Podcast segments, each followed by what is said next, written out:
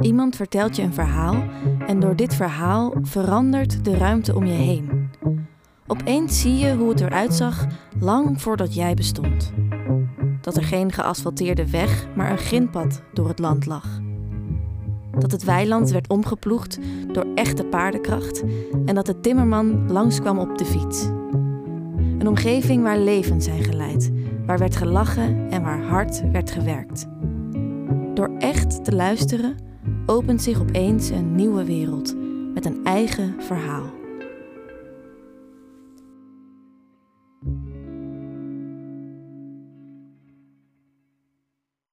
Deze podcast is gemaakt als randprogrammering voor de voorstelling Het Spektakel, gemaakt door Club Nel. Ik ben Nienhuis. Jaap Nienhuis. Niet Jaap Nienhuis van Uskert. Dat was een hele bekende van Radio Noord. Die heette net zo oud. Ik was ook net zo oud, weet je, maar uh, ook geen familie van mij. Maar, uh.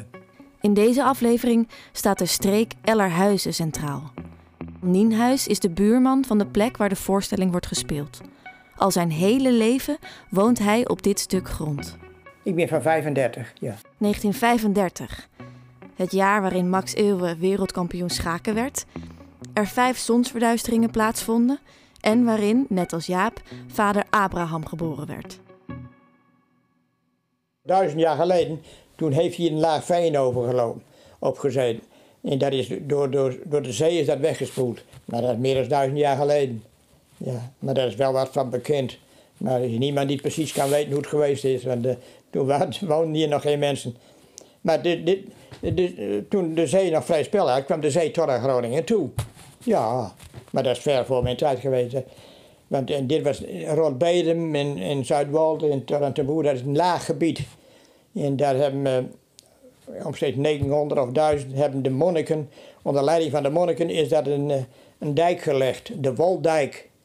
En die gingen rondom Bedem tot aan ten Boer toe. In dit gebied noemen ze toen Indersdijk. En in Groningen is ook nog een verzorgingshuis, die heet ook Indersdijk geloof ik. Voor mijn tijd, zegt Jaap. Duizend jaar geleden is wel voor zijn tijd, inderdaad. Maar Jaap woont al 86 jaar precies op de plek waar hij geboren is. Hij valt samen met het huis en de omgeving. Zo sterk als de bomen in de tuin geworteld zijn, zo sterk is ook Jaap geworteld in deze kleigrond. Zware klei. Ja, geen makkelijke grond hier, nee. Nee. Nee. Zware klei. En eh, nou, er is natuurlijk veel veranderd. Hè? Dat is heel normaal. Dat gebeurt overal. Dus ook hier is nogal wat veranderd. En uh, toen mijn, ouders kwamen hier in 1923, toen zijn ze getrouwd. Mijn vader kwam van Eppenhuizen, dat ligt tussen Zanderweer en Gasthuizen. En mijn moeder kwam uit Middelstum. En toen zij hier in 1923 kwamen, toen was de de weg was een doodlopende weg. Tot aan de laatste boerderij waar nu van drie woont. Verder kon je niet. Op het Friese platteland waar ik opgroeide, was ook zo'n doodlopende weg. Er was een boerderij en daarna stopte het. Je zag alleen de horizon. Als kind dacht ik altijd dat dat het einde van de wereld was. En ergens klopte dat ook. Het was het einde van mijn wereld. De wereld van Jaap kent hij als een eigen broekzak. Achter iedere spijker in de wand of gat in de vloer kent hij het verhaal. Slootje springen en verspringen en een ticketje en uh, verstoppertje spelen. Dat kon natuurlijk in zo'n schuur, hè. Verstoppertje spelen, ja. Kinderen op een boerderij vermaken de kinderen zich altijd. Er is altijd wat te beleven. Als Jaap door zijn raam kijkt, kan hij de boerderij van de buren zien liggen. Hij kan zich de bouw van de open kapschuur, waar wij onze voorstelling spelen, nog herinneren. Toen ik klein was, eh, de rook kwam hier in 1938. En ik weet nog dat ze ermee aan bouwen waren. Of dat in 1939 of 1940 was, dat weet ik niet meer precies. In het archief is de bouwvergunning van de schuur nog bewaard gebleven. Uit de stukken blijkt dat het in 1941 is gebouwd en dat het diende als graanopslag. Nou, die, die waren harde werkers die er hoor, ja. Uh, je had ook geen last van ze. Maar het was niet iemand waar je zo even een praatje mee maakte. Dus dat zat er niet in bij. Nee. En ze waren natuurlijk uh, gereformeerd, streng gereformeerd, vrijgemaakt gereformeerd. Ja. En uh, toen was in die tijd was, was het heel Ellerhuizen. In mijn, mijn kinderjaren woonden er 18 boeren in Ellerhuizen. 14 waren gereformeerd, twee waren katholiek, één was Nederlands hervormd. En de 18e, die was buitenkerkelijk, dat waren mijn ouders. Oh. Ja. Ah. Ja, dus eh, in, vroeger, de, de gereformeerden hier, die hadden veel invloed hoor. Die, eh, daar moest je, toen, mijn moeder hier, toen mijn ouders hier kwamen, mijn moeder die zou nooit op zondag was buiten hangen. Dat, dat kon niet. Nee. Ja, ik was vijf jaar toen die oorlog begon. Ja. En eh, ik ben met die oorlog opgegroeid. Ja. En als kind vind ik het heel gewoon. Het was natuurlijk absurd wat hier toen gebeurd is. Toen zijn er ook een paar Duitse soldaten hier binnen geweest. En eh, moeder heeft ze uitgelachen. Maar die Duitser die werd zo kwaad, die pakte hun hoofd en schoot door de vloer heen daar. ja, ja, ja, ja, daar kun je niks meer van zien. We zitten vloer overheen, maar het gaat zitten nog hoor. Ja, ja. Ja, dat van die voorvallen in die oorlogsjaren. Maar als kind weet je niet beter. En in, in, in, 19, in september 1944, toen begon de slag om Arnhem. En toen kon de bevolking daar, die kon dat niet meer wezen. En toen heeft de overheid besloten, die mensen die moesten in Groningen ondergebracht worden. Hier waren grote huizen. En, die moesten, en mijn ouders waren verplicht om een gezin op te bergen. Het was natuurlijk primitief, maar die mensen die waren doodgelukkig dat ze onderdak hadden, dat ze een, een slaapplaats hadden en dat ze te eten hadden, dat ze veilig zaten. Jaap loopt door zijn boerderij. Hij schakelt moeiteloos tussen alle verhalen en herinneringen. Gaat het in de woonkamer nog over de oorlog, door het gat in de vloer? In de voorkamer gaat het over de wederopbouw. De toekomst die letterlijk gebouwd moest worden. Als de timmerman, die heeft hier nogal wat gedaan in, de 50 jaren.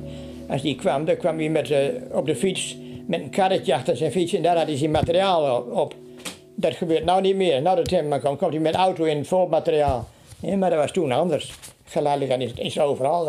En, eh, wat ieder- alle werkzaamheden eh, veranderen. Als die man nu geleefd had, was hij ingenieur geweest, maar toen was hij gewoon timmerman.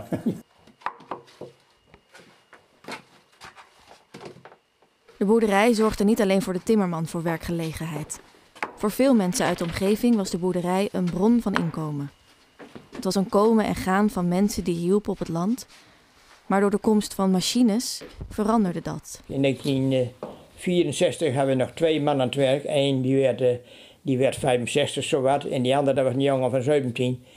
Maar toen eh, kon mijn vader hoewel hij helemaal niet van mechanisatie hield, hij kon er wel bekijken dat het zo niet door kon gaan. En toen kwam dat maaidorsen, dat kwam in de mode. Toen heb ik de eerste jaren met, één, eh, één man gewerkt. En later heb ik ook melkvee nog gehad. Eh, toen had ik er ook een vaste man bij. Maar in 1984 is melkvee weggegaan en die man dus ook. En eh, toen kon ik het alleen wel doen. Een schuur zonder vee. Groot en leeg. Als je naar achteren loopt en de deur naar het erf opent, strekt het landschap zich voor je uit. Vroeger kon je de horizon zien. Dat kun je nou eigenlijk niet meer. De horizon is 5 kilometer en dat kun je nou niet meer, maar overal staat bomen. Ja, dat, dat, dat, kan nou wel, dan moet je de Noordpolder wezen. Verder van de stad af, maar niet hier. Nee. Moet je naar Noordpolderzeil. Daar kun je de horizon zien. ja. Dus om de horizon nog te kunnen zien, zal Jaap zich moeten verplaatsen. Op de tafel in de woonkamer ligt een glimmend mapje met een afbeelding van een moderne woning. De- In Bedum zijn ze aan het bouwen met een appartementengebouw. Tien appartementen, daar heb ik één van gekocht. Dus over een jaar is dat klaar en dan ga ik daarheen. Niet dat ik dat graag wil. Nou, ik ben hier geboren en getogen en ik voel me hier thuis natuurlijk. Alleen, ik ben wel 86, dus er komt een tijd dat ik hier niet meer kan doen. Dat begint nou al te komen. Ik ben van zomer gevallen. En eh, op mijn heup is het allemaal goed afgelopen. Maar eh, de krachten nemen natuurlijk wel af. En, eh, en ik kan het nu nog zelf beslissen. Er komt ook een tijd dat een ander voor mij moet beslissen. En dan kun je er beter voor aanwezen. En eh, ja, Een man van 86 gaat voor het eerst in zijn leven verhuizen, ongeveer 5 kilometer verderop. Ouder worden en je horizon verbreden. Wat zal ik allemaal hebben meegemaakt wanneer ik 70, 80 ben? 86 jaar lang op dezelfde plek wonen gaat in ieder geval niet meer lukken. Maar ik kan wel luisteren naar het verhaal van Jaap. Hij weet als geen ander hoe het is om een landschap door en door te kennen. Ja, ouder worden maak je dat mee. dat is geen verdienste, maar dat, dat gebeurt nog eenmaal. Dat, eh, dat gebeurt nog eenmaal.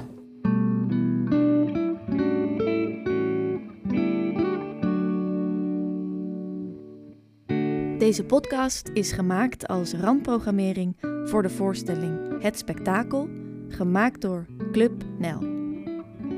Club Nel is een gezelschap dat verhalen vertelt. Het liefst buiten de grenzen van de Randstad. De club bestaat uit Fine de Ruiter, Stan Vreken en Mats Voshol, die ook de muziek componeerde voor deze podcast. Lisa Malou Frenkel, die de podcast regisseerde. En mijn naam is Anna Raadsveld. De podcast is gemonteerd door Remco Smits. Kijk voor onze actuele speellijst op onze website. En heeft u na het beluisteren van deze aflevering of na het zien van de voorstelling vragen of opmerkingen? Laat dan vooral een bericht achter op www.clubnel.nl. Veel dank voor het luisteren.